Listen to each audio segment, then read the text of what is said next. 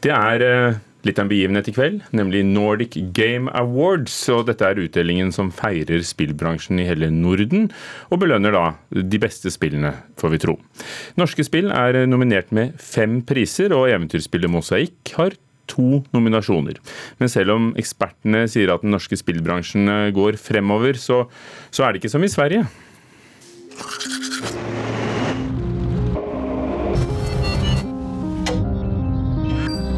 De mystiske lydene tilhører eventyrspillet Mosaikk. Spillet, som handler om lengsel etter å slippe seg løs fra mobilen og en meningsløs arbeidsplass, er nominert til to priser under Nordic Game Awards, som feirer hele Nordens spillindustri. Daglig leder i Krillbite, som har utviklet Mosaikk, Jon Cato Lorentzen, syns nominasjonen er stas. Det er uh, først og fremst en kjempestor ære. Nordic Game Awards er jo kjent for å uh, vektlegge litt kunstneriske, nytenkende, kreative spill. Gjerne på bekostning av de tunge, store Hollywood-produksjonene. Nordic Game Awards har kanskje gått under radaren for mange. Men Lorentzen mener utdelingen er svært viktig, og spillet fra Norge møter spillstormakten Sverige med en helt annen spillindustri. Det at man hvert år kårer de beste spillene som kommer fra Norden, er uh, kjempebra. fordi her får vi sjansen til å konkurrere med gigantiske svenske selskaper. For søta bror er virkelig storebror når det gjelder spill.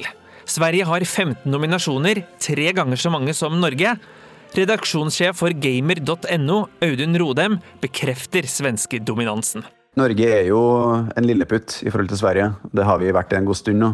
Ja, vi har rundt 300 sysselsatte spillutviklere i Norge mot Sverige sine ja, jeg tror det er rundt 8000. Det gir jo utslag, selvfølgelig.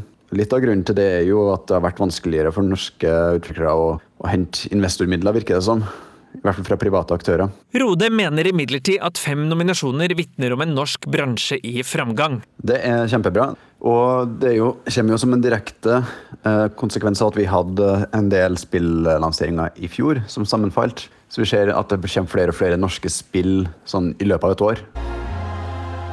Jon Cato Lorentzen er ydmyk med tanke på Mosaikks vinnersjanser i kveld, men han har stor tro på Norges framtid som spillnasjon. Vi er uh, små, men vi har uh, store ambisjoner om å vokse. Og har, det er såpass mange spennende prosjekter på gang i Norge nå at jeg er overbevist om at vi vil få en gedigen vekst her i landet de neste fem årene. Knut Øyvind Hagen var reporter. I studio nå så er eh, Rune Fjell-Olsen, NRKs eh, spillanmelder. Er du enig i at eh, Norge er en lilleputt sammenlignet med Sverige? Ja, uten tvil. Eh, altså Nordic Game Awards er jo litt morsomt for svenskene, for da kan de jo stå der som stormakten i Norden eh, og være eh, kongene av spillindustrien. Og så kan da Norge komme med litt lua i hånda på ordentlig og på en måte lære litt av, av svenskene. Jeg tror nok svenskene er ganske fornøyd med det. Men hvorfor er det sånn at eh, Sverige er stormakt og vi igjen er blitt lillebror? Altså, Hovedgrunnen er nok at eh, Sverige fikk et par kjempestore spillsuksesser eh, tidlig. På slutten av 90-tallet, tidlig 2000. Og det genererte så mye inntekter, så mye oppmerksomhet, så mye investorinteresse at spillbransjen i Sverige fikk lov til å vokse ganske sånn eksplosivt. Og Da fulgte jo utdanningssteder opp. Da måtte man jo utdanne flere spillutviklere. Eh, investorer i Sverige fikk opp øynene, og det bare vokste på den måten. Basert på en kjempesuksess. Men hva skal til da for at eh, Norge skal, eh, skal ta igjen? Nei, det, det, må nok, det, må nok, mer erfaring og, og, penger inn i bildet. Men jeg syns den norske spillindustrien utvikler seg på en veldig god måte, fordi de gjør det på sine egne premisser. Og Man kan nesten snakke om en slags sånn norsk tone på spill. Eh, utviklerne i Norge er små, men de er veldig opptatt av å ha sin egen identitet og fortelle historier som er litt personlige og ikke nødvendigvis eh, er sånn kommersielt uh, superinteressante. Ja, ja, Utdyp det litt for oss som ikke er sånn helt inne i denne spillverdenen og ser forskjell. eller Det at vi har Mosaikk da, som nominert i, i, kategorien beste spill og beste håndholdte spill. Dette er jo et spill som starta veldig smått, som et ønske om å sette litt ord på um, det moderne mennesket i en stor by. Eh, også eh, fremmedgjøring. Eh, frykten for å åpne regnings, også postboksa for regninger. Den nettdating via mobiltelefon og apps og sånne ting.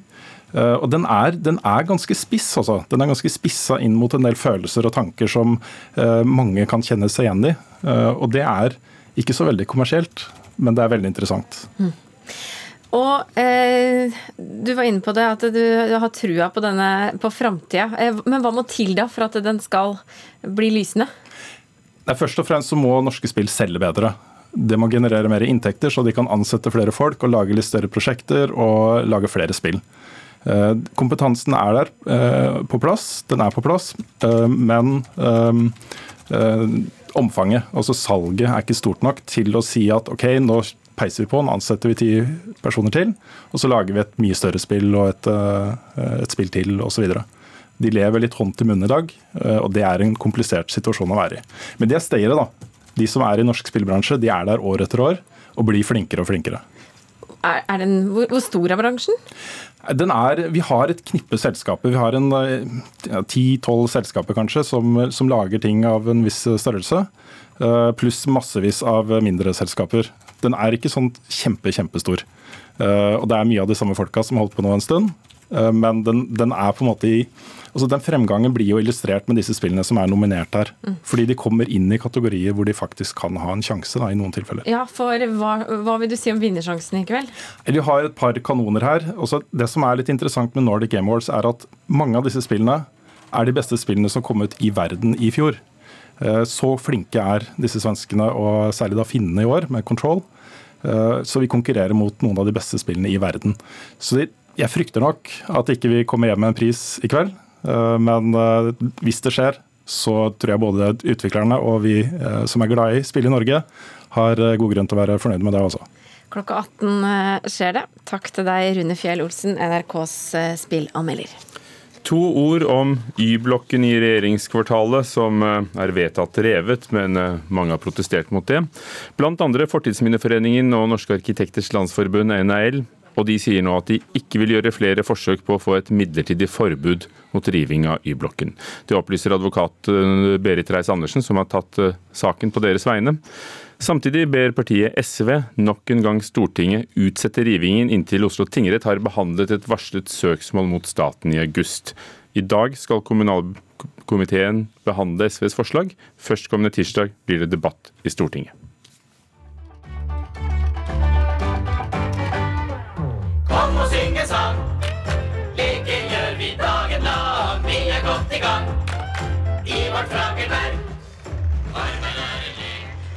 Åh, dette, dette er barndommen.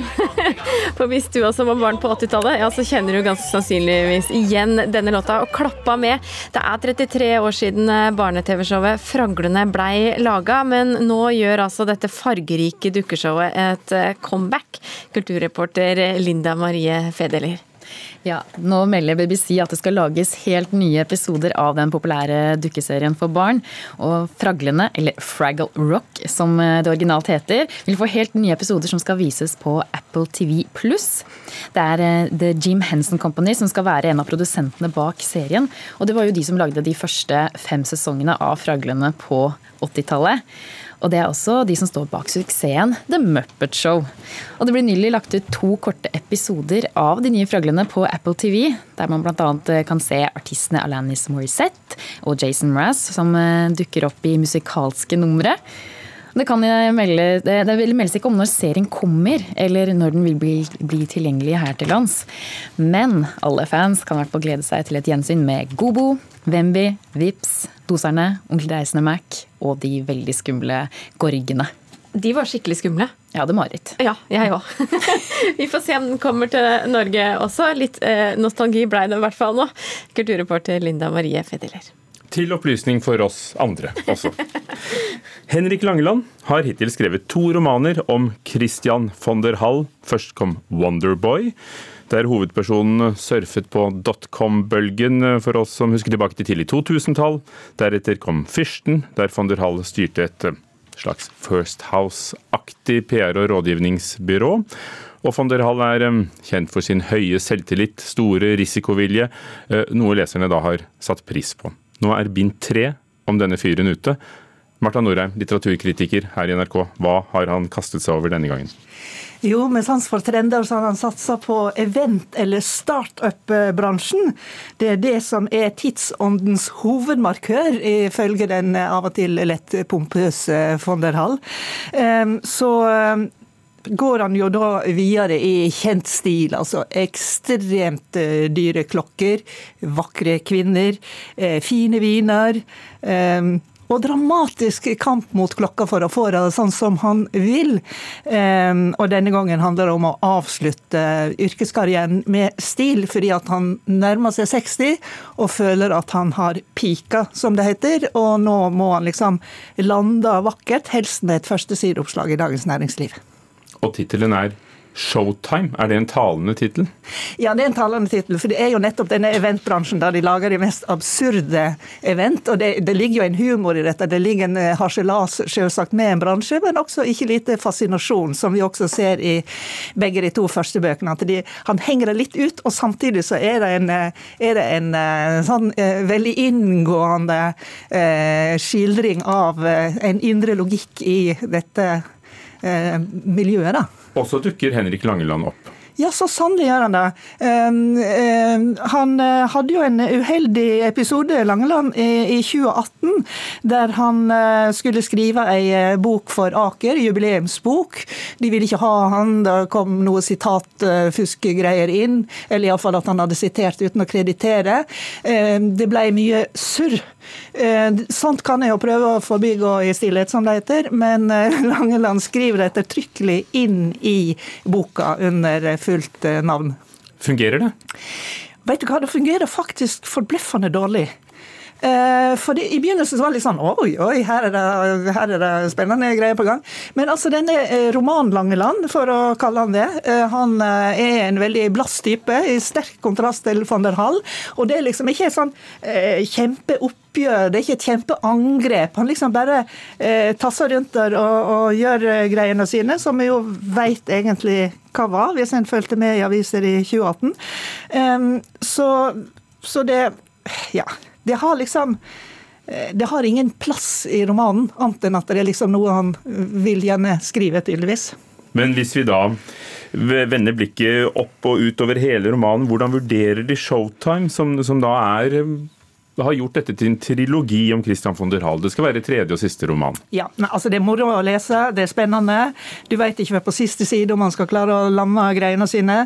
Eh, Gjennomarbeida språk. Eh, så, så, det er òg forfriskende å møte en forretningsmann på jobb i en norsk roman. Det er jo mange outsidere. Eh, det er mange levende personer der. Jan Fredrik Karlsen, Petter Stordalen.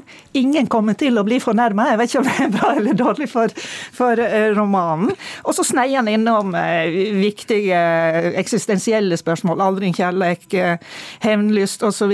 Men jeg vil jo si at han kanskje er djup på det overflatiske og overflatisk på det djupe.